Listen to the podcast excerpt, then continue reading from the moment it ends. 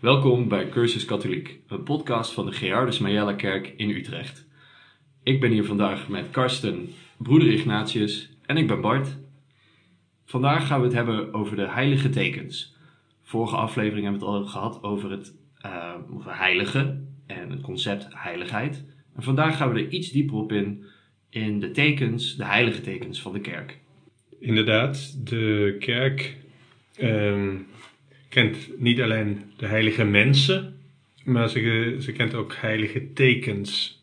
En die heilige tekens die gebruiken wij in de liturgie. De liturgie, dat is uh, alles wat met vieringen in de kerk te maken heeft. Wat, uh, wat houdt liturgie eigenlijk in? Ja, liturgie is eigenlijk het, uh, het, het werk, de, de activiteit die God doet uh, ten gunste van ja, het volk, tegenover zijn volk. Want uh, jij, jij, geeft aan het werk van God. Uh, ja, wat bedoel je daar precies mee? Zou je daar een, een voorbeeld van kunnen geven?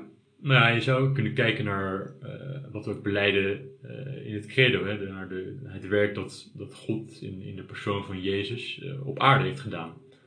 En in de liturgie zien we dat eigenlijk dat dat ja, wordt geïmiteerd. Dat dat als het ware weer uh, huidiger wordt gemaakt.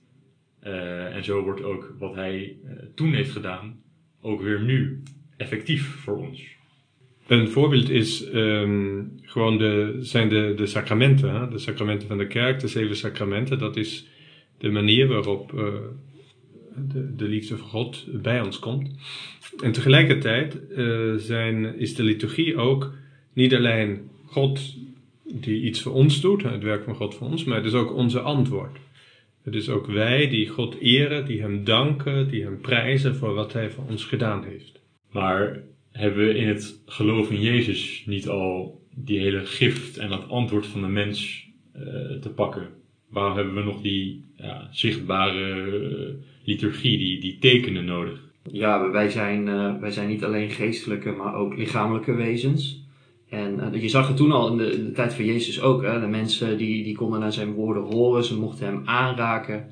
De heiligheid van, van Jezus ervaren. En um, in Gods wijsheid heeft hij dat via aardse tekenen ook voor ons mogelijk gemaakt. Middels zaken als uh, brood, uh, wijn, noem het maar op.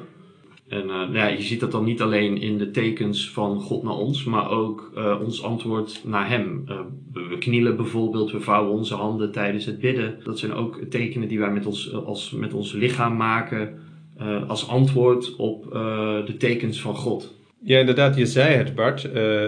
Jezus heeft de, is in contact gekomen met de leerlingen. Ze konden hem aanraken en de mensen konden hem horen. En, en in de viering zien we dat terug.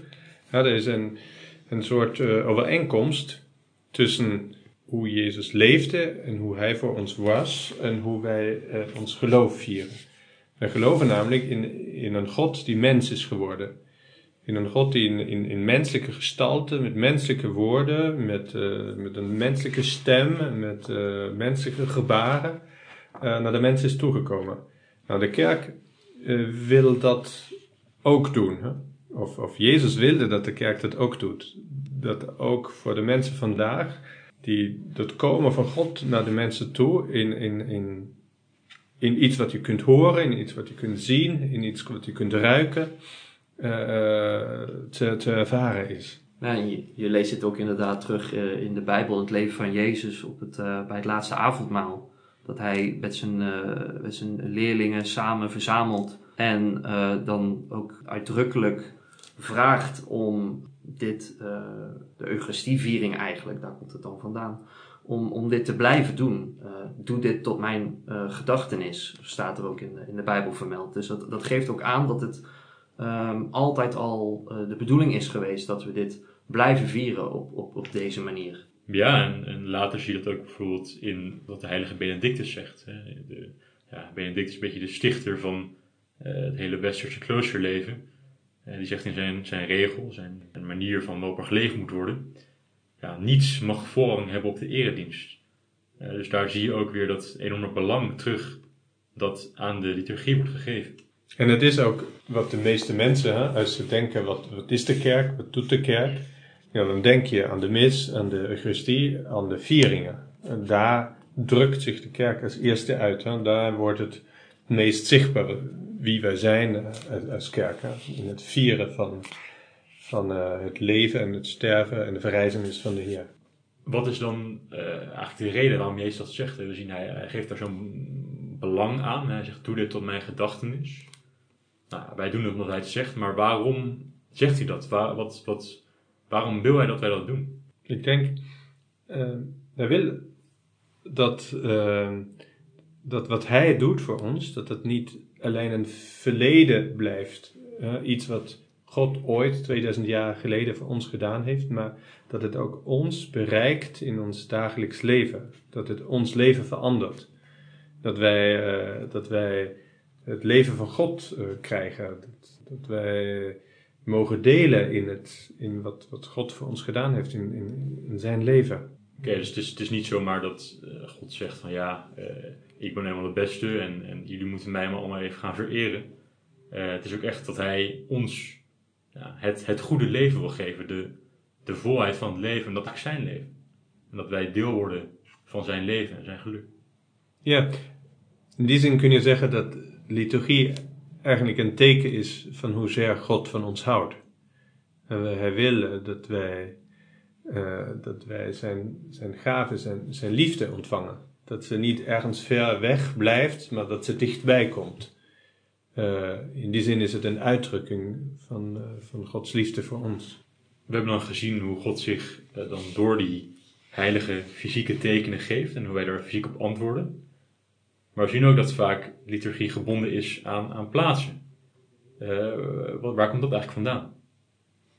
Um, ja, volgens mij slaat dit ook deels terug op het feit dat wij als uh, christenen een, uh, een, gemeenschap zijn. En het is uiteraard mogelijk om, om te bidden waar je ook eigenlijk bent. Maar um, God vindt het juist belangrijk dat we samenkomen, juist ook om die vieringen, om daaraan deel te nemen. En daardoor, daarvoor hebben we concrete plaatsen nodig. Nou ja, het beste voorbeeld is natuurlijk gewoon is een kerk. Ja, dat, dat, dat is dan ook weer een, een fysiek teken om dan weer even terug te komen op, op andere zaken. Een ander klein voorbeeld is bijvoorbeeld een, uh, een kruis die we soms ook wel eens langs de weg zien. Vaak in wat kleinere dorpen. Hebben ze, hebben ze deze nog? Ja, wellicht zie je dat ook uh, dan terug in de tijd. Hè, waarom bijvoorbeeld ja, de zondag toch de primaire dag van de liturgie is. Uh, ja, natuurlijk kun je op andere dagen ook een mis vieren, maar de zondag wordt wel apart gezet als ja, de dag van de verrijzenis. En ook weer zo'n manier waarop terug wordt verwezen naar het historisch lijden van Christus en zijn verrijzenis met Pasen. Zo zie je dat in de, in de kerk. Hè, je, heb je heilige plaatsen, heilige tijden. Uh, er zijn dingen die profaan zijn in deze wereld. Er zijn plaatsen die heilig zijn en tijden die uh, gewoon zijn en je hebt tijden die heilig zijn, zoals de zondag. Dus we hebben het al allerlei termen voorbij uh, zien komen: liturgie, uh, sacramenten. Um, op het laatste wil ik eventjes inzoomen, want um, ja, wat zijn de sacramenten eigenlijk? Sacramenten zijn voor ons katholieken de, de meest belangrijke van al die tekenen die we hebben. Hè? Van, beginnend met, met, uh, met kaarsen en, en wierook en alles wat we, wat we hebben, wat we ook genoemd hebben. Uh, de allerbelangrijkste tekenen die we hebben zijn de zeven sacramenten. Uh, daar is God op de meest geconcentreerde manier aanwezig. daar komt het, het het meest dicht bij ons. De meest prominente daarvan is dan waarschijnlijk ja, de mis, de, de, de, het moment van de Eucharistie.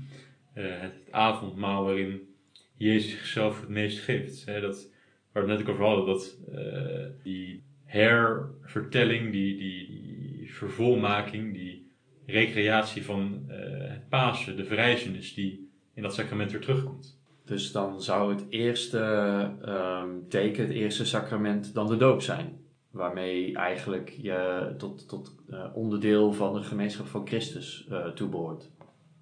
Inderdaad. Um, doopsel en vormsel.